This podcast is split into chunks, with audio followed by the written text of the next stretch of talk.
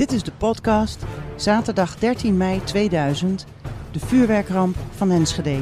Presentatie Ben Meijerhof. Welkom, welkom bij deze nieuwe aflevering van de podcast Zaterdag 13 mei 2000, de vuurwerkramp van Enschede. Wat kun je allemaal verwachten deze aflevering? Leerlingen van de vier basisscholen uit Noord presenteren hun plannen hoe ze aankijken tegen de wederopbouw van de wijk Roombeek. En ik spreek hier onder andere over met wethouder Erik Helder en de beeldende kunstenaar Wouter Sveers. Ook spreek ik met Gabriel Meijers. Hij is de advocaat van Willy Pater, die terecht moet staan voor het niet naleven van de milieuregels. Jessica van Aarde, zij is directeur van de SOS Telefonische Hulpdienst. Zij was te gast bij wethouder Jeroen Goud. Waarom dat zo was, daarover later meer. En heb ik een gesprek met Henriette Zalleman. Met haar blik ik terug op die periode en hoe zij daar nu tegenaan kijkt. Dit en veel meer in deze aflevering van Zaterdag 13 mei 2000, de vuurwerkramp van Enschede. Maar eerst je aandacht voor het volgende. In het Rijksmuseum vond de presentatie plaats van het scholenproject De Toekomstbouwers. Zeker 180 leerlingen van vier basisscholen rond het rampgebied hebben de plannen ontwikkeld en een gedachte laten gaan hoe zij de wederopbouw vorm zouden willen geven. Dit hebben ze vervolgens uitgewerkt in maquettes en Lego. Over deze plannen sprak ik met wethouder Erik Helder in een zeer rumoerig Rijksmuseum vol met 180 enthousiaste leerlingen.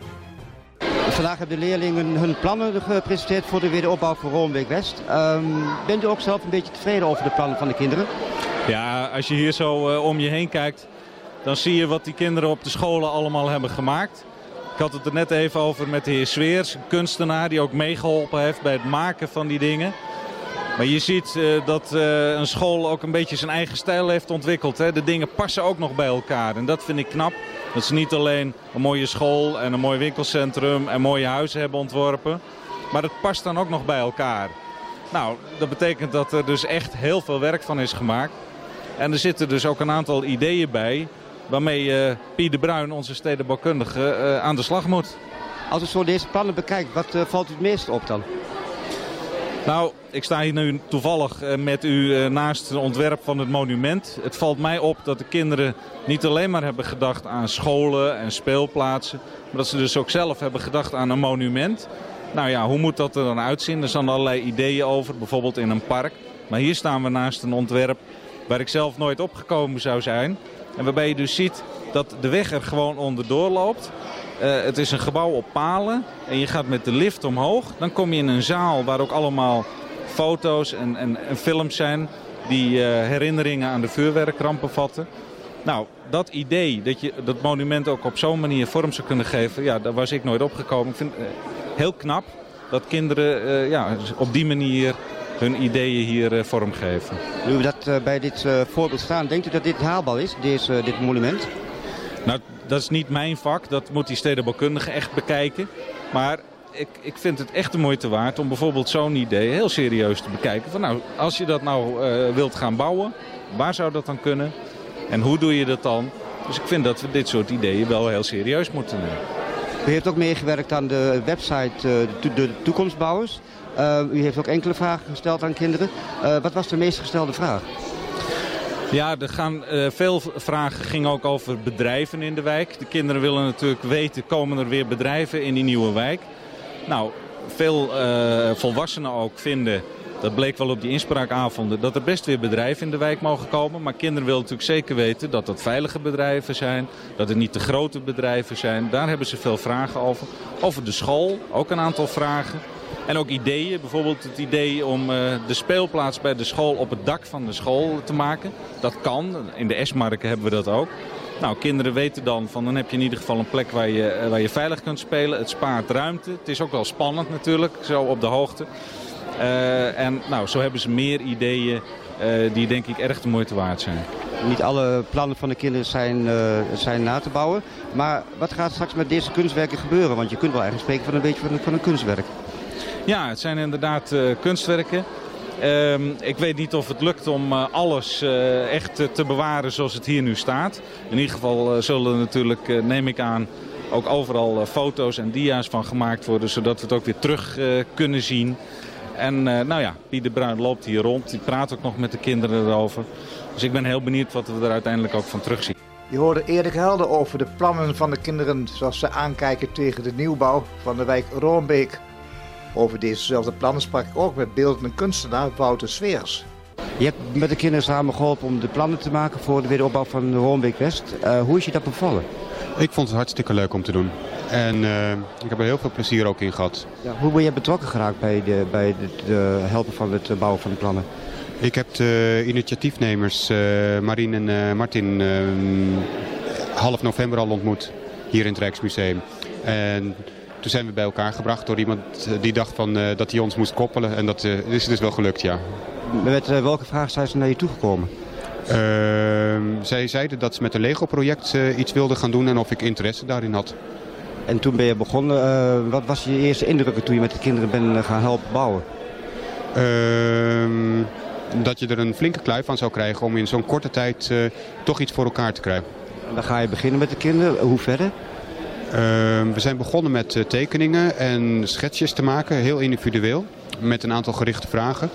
Daarna zijn ze dat in, een, in de klas tot een soort bouwtekening van de hele wijk gaan uitwerken. En daarna zijn ze pas gaan met, werken met de Lego. Wat was eigenlijk jouw deel in het, in, in, in dit geheel? Uh, wat logistiek, het maken van de, de platen waar ze op zijn gaan, gaan bouwen. Ik heb mijn atelier ter beschikking gesteld met wat voorbereidingen. En ja, ook nadenken over hoe je praktisch gewoon logistieke zaken kan regelen. Want ik zit in Enschede. En uiteindelijk ook het uh, begeleiden van het bouwen in de klassen. Uh, nu uh, is het vandaag donderdag 8 februari. De plannen zijn allemaal gepresenteerd voor alle scholen. Uh, wat is je eigen indruk? Ehm, ik heb het idee dat ze allemaal toch de, de wijk goed in gedachten hebben gehouden waar ze hiervoor hebben gewoond. En dat zie je telkens ook wel terugkomen. En ze hebben dan echt accenten gelegd op wat ze heel belangrijk vinden. Als je zo naar de plannen kijkt, denk je dat uh, deze haalbaar zijn? Ja, er zitten absoluut goede plannen bij. Um, ja, ik, ik, ik zit zo een beetje rond te kijken. Um, de schaal is natuurlijk heel verschillend. De een heeft groot gebouwd, de ander klein. Um, maar je ziet heel veel groen in de wijken terugkomen. En dat vinden ze zelf ook heel belangrijk. Grote speelplaatsen. En ik denk dat daar uh, best wel veel uh, naar geluisterd zal worden. Ik hoop het althans heel erg. Nu hebben de kinderen ook, ook nagedacht over het monument. Er zijn enkele voorbeelden zijn hier uh, gemaakt. Wat heeft jouw eigen persoonlijke voorkeur? Uh, dat is moeilijk te zeggen, maar er is er eentje waar iets in zat, ja, dat is weer gewoon totaal nieuw. Dat is zo'n idee wat je ineens oppikt. Het is niet dat het het mooiste of slechtste is, maar het is iets wat mij opviel na één keer rondlopen. Het was een monument waar je met een liftje in omhoog gaat, maar er kan maar één persoon in. Dus als je zo'n monument zou hebben, heb je dus, als je gaat in je eentje in een lift omhoog. Je bent helemaal alleen met dat monument. En dat is iets totaal anders dan dat je een monument hebt waar je bijvoorbeeld met 100 mensen naartoe zou kunnen gaan. Zoiets van, hé hey, verrek, daar heb ik nou nog nooit over nagedacht. Dat leek mij een heel mooi idee om een monument voor één persoon te maken wat iemand dus heel erg individueel kan beleven. Dus eigenlijk veel meer op jezelf kan je niet komen. Ja, daar wordt je wel kippenvel van. Dat wordt inderdaad heel erg persoonlijk dan. Ja, ja, ja. maar heel mooi. Um, uh, ja, als kunstenaar uh, heb, heb, je al uh, enige kinderen ontdekt waarvan je denkt van daar moet ik mee verder gaan in de toekomst? Ja, um, en ik zit er ook over te denken om uh, een van de scholen voor te stellen om gewoon los van uh, wederopbouw uh, een project met te doen met iets van bouwgeschiedenis. Dat, ik vond het gewoon heel leuk om te zien hoe kinderen reageerden. En ik denk dat ze het zelf ook heel leuk vinden. Dus ik denk dat we nog wel iets samen gaan doen. Je hoorde de beelden kunstenaar Wouter Zwees en hoe hij in zijn nopje was met de plannen van de kinderen. Zoals zij aankeken tegen de nieuwbouw van de wijk Roombeek. Iets anders nu. Vrij snel na de ramp werden de eigenaren Willy Paten en Rudy Bakker van SC Fireworks in staat van beschuldiging gesteld voor de ontploffing van een bunkers voor de opslag van vuurwerk. Er volgden vele rechtszaken. Een van de rechtszaken was een zitting waar Willy Paten terecht stond voor het niet naleven van de milieuregels. Ik sprak hierover met zijn advocaat Gabriel Meijers. De telastlegging waren een aantal overtredingen van de milieuwetgeving. Dat wil zeggen het overtreden van voorschriften die aan de milieuvergunning verbonden waren. Dus er worden de, de gevolgen van de ramp die worden hun niet aangerekend? Op dit moment nog niet. De officier van justitie zei dat het mogelijk was dat ooit uit het onderzoek zou blijken dat de gevolgen mijn cliënt kunnen worden aangerekend. Maar op dit moment is dat nog niet het geval. Uh, vanochtend uh, had uh, uw collega de heer Plasman en u vanmiddag ook gingen behoorlijk diep in op het soort van het vuurwerk. Wat, wat was er eigenlijk mis met het vuurwerk, met de verpakking ook eigenlijk? Ja, het was niet de verpakking. Door de officier van justitie en het Openbaar Ministerie wordt gesteld dat er op het bedrijf vuurwerk gelegen zou hebben dat voorzien was van een aanduiding dat het licht vuurwerk was, terwijl het in werkelijkheid zwaar vuurwerk zou zijn. Daar ging het op de zitting over. Uit het onderzoek is ook gebleken dat als dit al gebeurd is door mijn cliënt, dat het door alle vuurwerk importerende, opslaande, transporterende en afschietende bedrijven in Nederland gebeurd is. En dat op dit moment er nog steeds in Nederland datzelfde vuurwerk opgeslagen zou zijn onder voorwaarden en onder condities die gevaarlijk zouden kunnen zijn. U haalde ook het punt aan van de vergunningen. Wat was daar allemaal, allemaal mis mee? Uh, met de vergunningen was alles mis. Uh, de wijze waarop dat is bekeken door de gemeente en ook de vergunning die verleend is, daar waren heel veel uh, kanttekeningen bij te maken.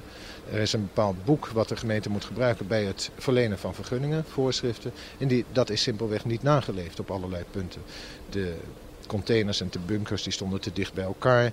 De containers waren niet brandwerend gemaakt, de deuren waren niet brandwerend, er waren geen deursluiters. Dat waren voorschriften die hadden in de vergunning opgenomen moeten zijn, maar dat is niet gebeurd.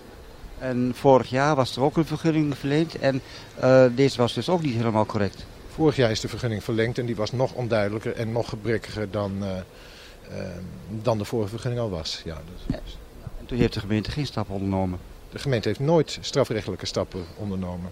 Als er als een keer iets gecontroleerd werd en bevonden werd dat er iets niet mocht, dan werd gewoon gezegd dat moet je verbeteren en dan is het allemaal in orde. Heel eventjes uh, terug naar, uw, uh, uh, naar uw cliënt, de heer Pater. hoe is het met zijn gezondheid? Slecht. Dat kunt u misschien begrijpen. Als je drie maanden niet alleen vastzit, maar ook nog met niemand contact mag hebben. Als je zelf in die ramp gezeten hebt. Als je daar met niemand over kunt praten om dat te verwerken. Als je door de officier van justitie ervan beschuldigd wordt dat je ook nog verantwoordelijk bent voor die ramp. Dan kunt u zich voorstellen dat het met niemand goed zou gaan. En met mijn cliënt ook niet.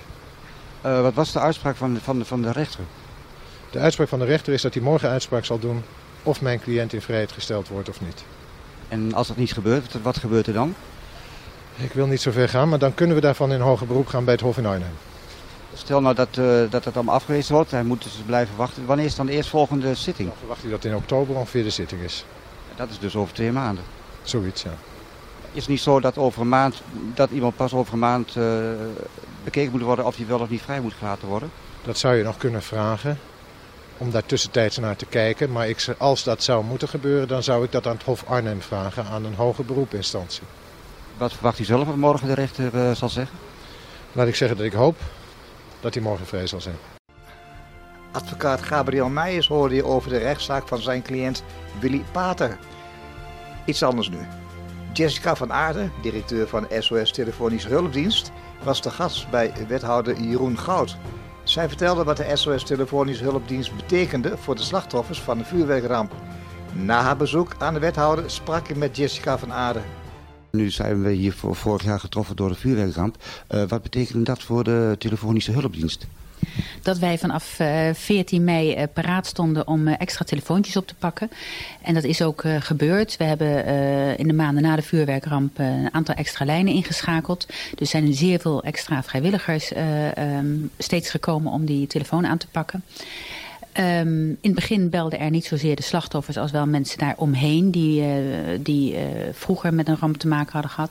Maar um, na een paar dagen begonnen het ook slachtoffers zelf te bellen met materiële vragen, met emotionele vragen.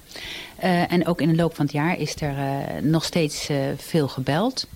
We hebben ook tijdens de stille tocht hebben we een, een callcenter ingericht. Toen waren er 30 Nederlandse mensen die klaar waren voor de telefoon. En 15 Turkse mensen die de telefoon aanpakten. En toen is er vanuit het hele land gebeld. mensen die hun emoties kwijt wilden, wilden praten over de ramp. Was dat niet een uh, bijzonder zware uh, periode voor de telefonische hulpdienst? Het was zeker een zware periode voor de SOS telefonische hulpdienst als wel voor de Turkse vrouwentelefoon. Vrijwilligers moesten extra veel dienst doen. Ze moesten zich ook weer opnieuw uh, inleven in wat er dan gebeurt als je zo'n ramp meemaakt. Dus een stukje extra training. Um, en op zo'n korte termijn zoveel zaken extra doen. Wat was nou het doel van de komst van u van hier naar Enschede toe? We wilden vanmorgen aan uh, wethouder Goud uh, aanbieden uh, dat wij als SOS Telefonische Hulpdienst landelijk met een nieuw telefoonnummer starten. Een landelijk telefoonnummer. Zodat mensen ons overal in het land kunnen bellen en altijd worden doorverbonden naar de dichtstbijzijnde telefonische hulpdienst. Het nummer wat nu gestart is, het landelijk nummer, dat is 0900 0767. En om het goed te onthouden, dat staat voor 0900 0 SOS. En dat kan je eigenlijk zeggen. De SOS staat voor soms is het je even te veel. En dan kan je met de SOS telefonische hulpdienst bellen. Waarom is gekozen voor een 0900 nummer? Um, nou, er is natuurlijk een keuze tussen een 0800 nummer, een gratis nummer of een 0900 nummer, wat uh, eh, 12 cent, bij ons 12 cent per minuut kost. Wij hadden voorheen regionale nummers, die blijven bestaan. Die staan ook achter op het telefoonboek. Maar dan zijn er dus 25 verschillende nummers in het land. En uh, vaak is dat moeilijk om die dan te herkennen en te vinden. Er is gekozen voor een 0900 nummer om uh, goed samen te kunnen werken. Gebruik te kunnen maken van alle diensten die er zijn. Bijvoorbeeld, bijvoorbeeld met zo'n ramp is dat natuurlijk heel prettig. Dat je nou, binnen een kwartier tijd uh, wel 40 lijnen uh, beschikbaar hebt om te gebruiken. Uh, een gratis nummer was landelijk niet haalbaar vanwege de financiën. Hoe verloopt de campagne? Goed, we zijn bij uh, uh, heel veel gemeentes geweest in Oost-Nederland. En uh, mogen deze week dus bij wethouder Goud komen. En het leuke is dat we bij die bezoeken bij de burgemeester of de wethouder... dus over ons werk kunnen vertellen. En dat in ieder geval ook voor de gemeente heel duidelijk wordt wat wij doen. En ook naar voren kan komen wat zouden wij voor de inwoners van de gemeente... als SOS Telefonische Hulpdienst kunnen betekenen. Dat is de ene kant. En welke signalen zouden wij af kunnen geven aan de gemeente... over situaties die er in zo'n gemeente bijvoorbeeld. Wat denkt u wat uh, wethouder Goud voor u zou kunnen betekenen? In ieder geval dat hij uh, in beeld heeft wat de SOS Telefonische Hulpdienst voor de inwoners van Enschede kunnen betekenen. En ons daarbij uh, ondersteunen om dat werk te kunnen uitvoeren. En dat geldt niet alleen voor de SOS Telefonische Hulpdienst, maar bijvoorbeeld ook voor de Telefonische Hulpdienst voor allochtonen. Je hoorde Jessica van Aarde, directeur van de SOS Telefonische Hulpdienst. En wat de Telefonische Hulpdienst betekende voor de slachtoffers van een vuurwerkramp. Tot slot van deze aflevering ga ik spreken met Henriette Zanneman. Henriette Zanneman was destijds de initiatiefneemster van het anti-vuurwerkcomité. Hoe heeft ze die tijd beleefd en hoe kijkt ze daarop terug? Daarover ga ik nu spreken met Henriette Zanneman, want ik heb haar aan de telefoon. Henriette, welkom. Ja, leuk je weer te spreken ben. Ja, dat uh, vond ik zelf ook. Um, even kijken, het is nu twintig jaar geleden dat we zijn getroffen door die afschuwelijke ramp. Ja, twintig jaar. Hoe, hoe kijk je daarop terug? Hoe kijk ik daarop terug? Ik kijk daarop terug dat ik punt 1 denk dat het goed is dat we dat toen de tijd met een compleet team hebben gedaan. Want zoals jij al zegt, ik was de initiatiefneemster, maar 24 mensen hebben zich toen de tijd bij mij aangemeld om hand- en spandiensten te verrichten. We? Ja. Uh, we hadden toch een goed team. Ik bedoel, de... Leg even uit, wie zijn we? We, zijn, we waren Enschede's. Behalve Enschede's. Enschede's die, die tot de ontdekking kwamen dat het idee van Henriette Sanderman nog niet zo slecht was. Nee, maar wat, wat, ik, wat ik eigenlijk vroeg was, hoe, hoe, hoe kijk je er nu op terug? Hè? Op, op ja, nee, dat, begrijp, dat begrijp ik. Hoe ik er nu op terugkijk, dat is dat ik denk, punt 1, dat ik, ben ik dankbaar dat toen de tijd 90.000 mensen het gelaten hebben. Het was toen aanmerkelijk stiller in Enschede. Mm. Uh, de jaren daarna heb ik wel eerlijk gezegd gedacht, heeft men er wel van geleerd? Dat had men nog niet, maar als je terugkijkt naar de ontwikkelingen van de laatste drie, vier, vijf jaar, en je kijkt naar de ontwikkeling ook in andere steden, waarin men al op een hele andere manier met vuurwerk omgaat. Dan denk ik, wij hebben toch de voorzet, de voorzet gegeven. Ja, hoe, hoe je het ook bent of keert. Eh, hoe je het ook bent of keert. Wij hebben die bal voor dat doel gelegd. En het heeft toch de uitwerking gehad dat men er nu, ja. twintig jaar later... Twintig jaar later, twintig jaar geleden wist je het al niet toen uh, was je enorm bezorgd over het feit dat, dat, dat er zoveel vuurwerk was dat dat tot ontploffing was gekomen. Met alle gevolgen van dien. Mm Ja, toen hebben jullie het anti-vuurwerkcomité opgericht. Ja. Met als doel?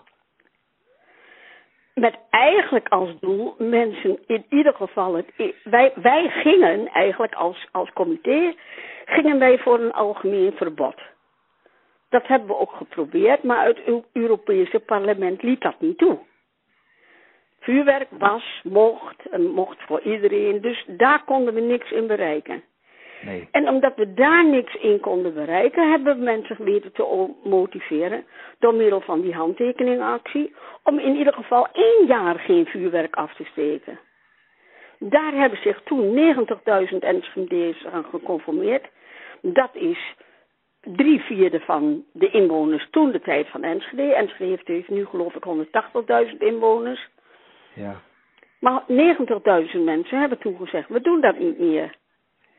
De, de gevolgen daarna, dat bedoel ik met een bal voor open doel, dat, dat ziet men nu pas in. Ja, men begint nu pas te beseffen. even nog twintig jaar terug, want dat is natuurlijk uh, een belangrijk gegeven. Je, je zegt net 90.000 mensen hebben zich uh, uh, geconformeerd aan, aan, aan die, ja. Hebben jullie toen, want internet bestond geloof ik nog net, ja die bestond wel. Hoe, hoe hebben jullie die, die 90.000 handtekeningen bij elkaar weten te krijgen? Die 90.000, daar, daarom was ik ook zo blij met die 24 medewerkers. We hadden dozen gemaakt, hele grote dozen met aanplakbiljetten daarop van anti-vuurwerkcomité. En die dozen die stonden verspreid bij diverse supermarkten in Enschede. Ah. Dus je kwam de supermarkt kwam je uit, daar stond dan een van de medewerkers, die stond dan bij die doos. En die vroeg aan iemand, wilt u zich conformeren door middel van een handtekening plaatsen om dit jaar geen vuurwerk af te steken? Ja. Dus het was eigenlijk niet meer dan het appelleren aan gevoelens van mensen. Ja. Van als jij daar, het was niet juridisch bindend. Maar als jij daar nu voor getekend hebt, dan weet jij straks, als het december is, dat je het niet moet doen. Ja, ja.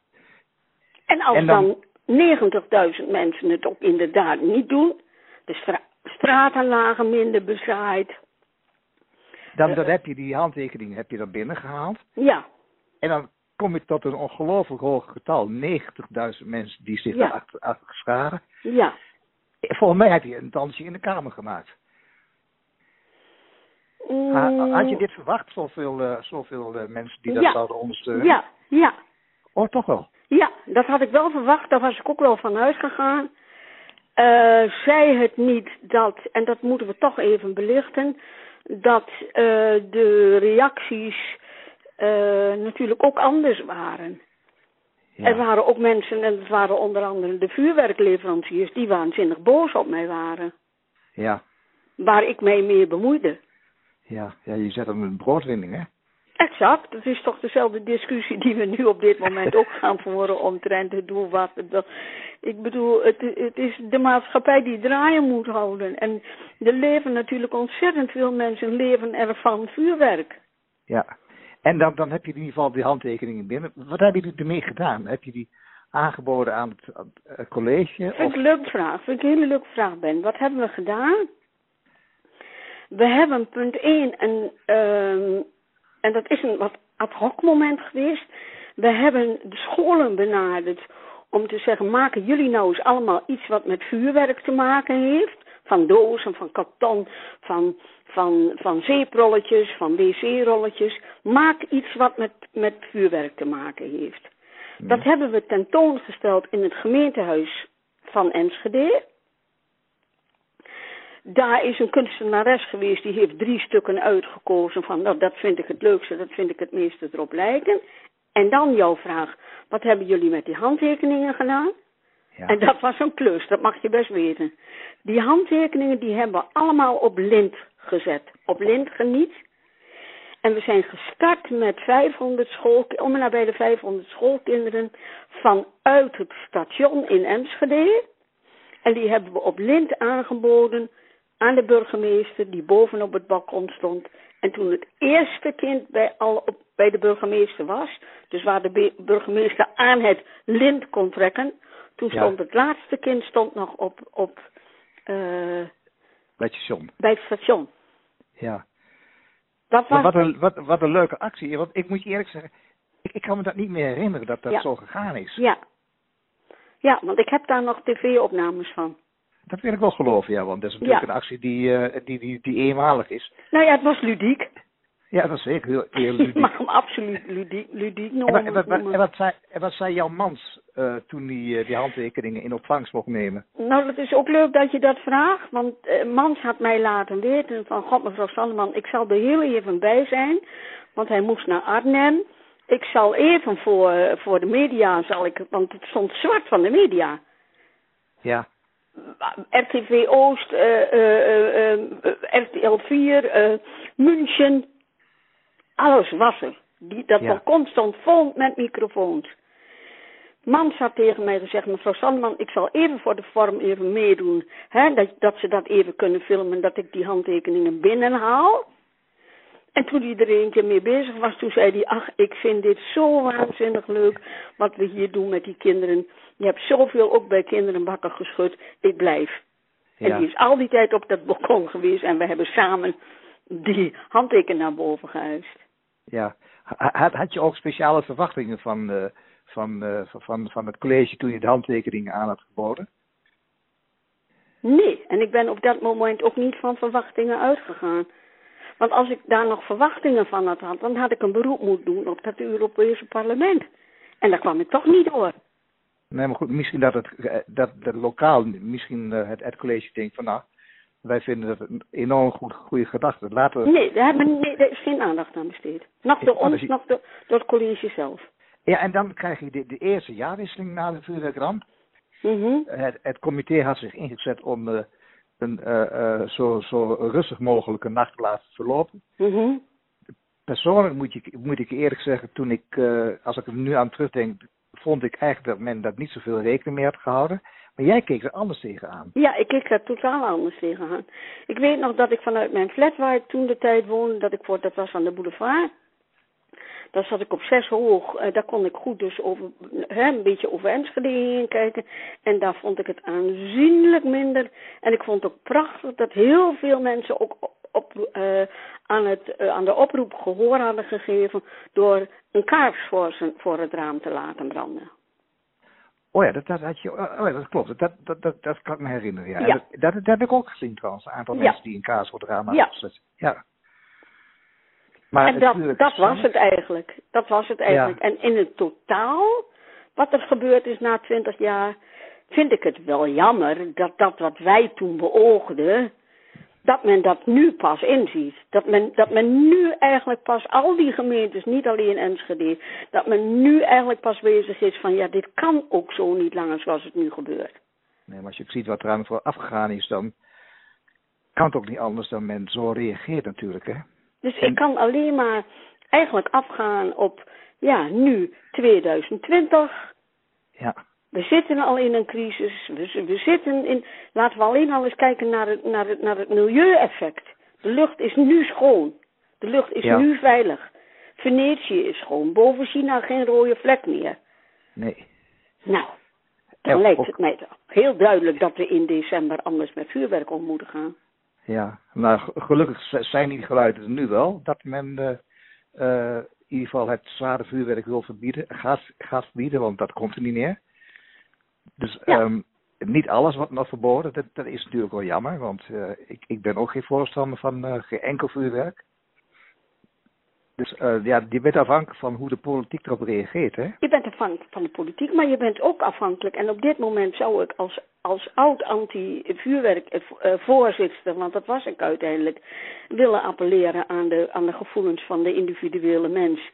Die nu denkt van, hé, hey, goh, ja, 2000, ja, 2020. We zitten weer in, in- weer, we zitten in een waanzinnige crisis. Laten we toch nou alsjeblieft gewoon per persoon denken.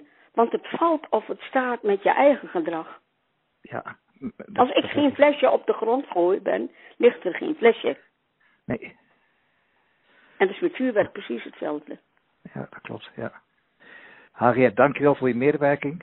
Ja, graag gedaan. En eh, we spreken elkaar weer. doei Oké. doei. Hoi hoi. Je hoorde Henriette Sanneman, altijd maatschappelijk betrokken. En hiermee ben ik ook aan het einde gekomen van deze aflevering van Zaterdag 13 mei 2000, de vuurwerkramp van Enschede. De volgende aflevering wordt tevens de allerlaatste in deze serie. Dat wordt de aflevering waarin we aandacht hebben aan een documentaire over Loedertje. Staan we stil bij de herdenking drie jaar later. En heb ik een gesprek met premier Wim Kok. Dit alles in de volgende aflevering van zaterdag 13 mei 2000, de vuurwerkramp van Enschede. Dank je voor het luisteren. Tot de volgende keer. Tot Hernega en Goortgaan.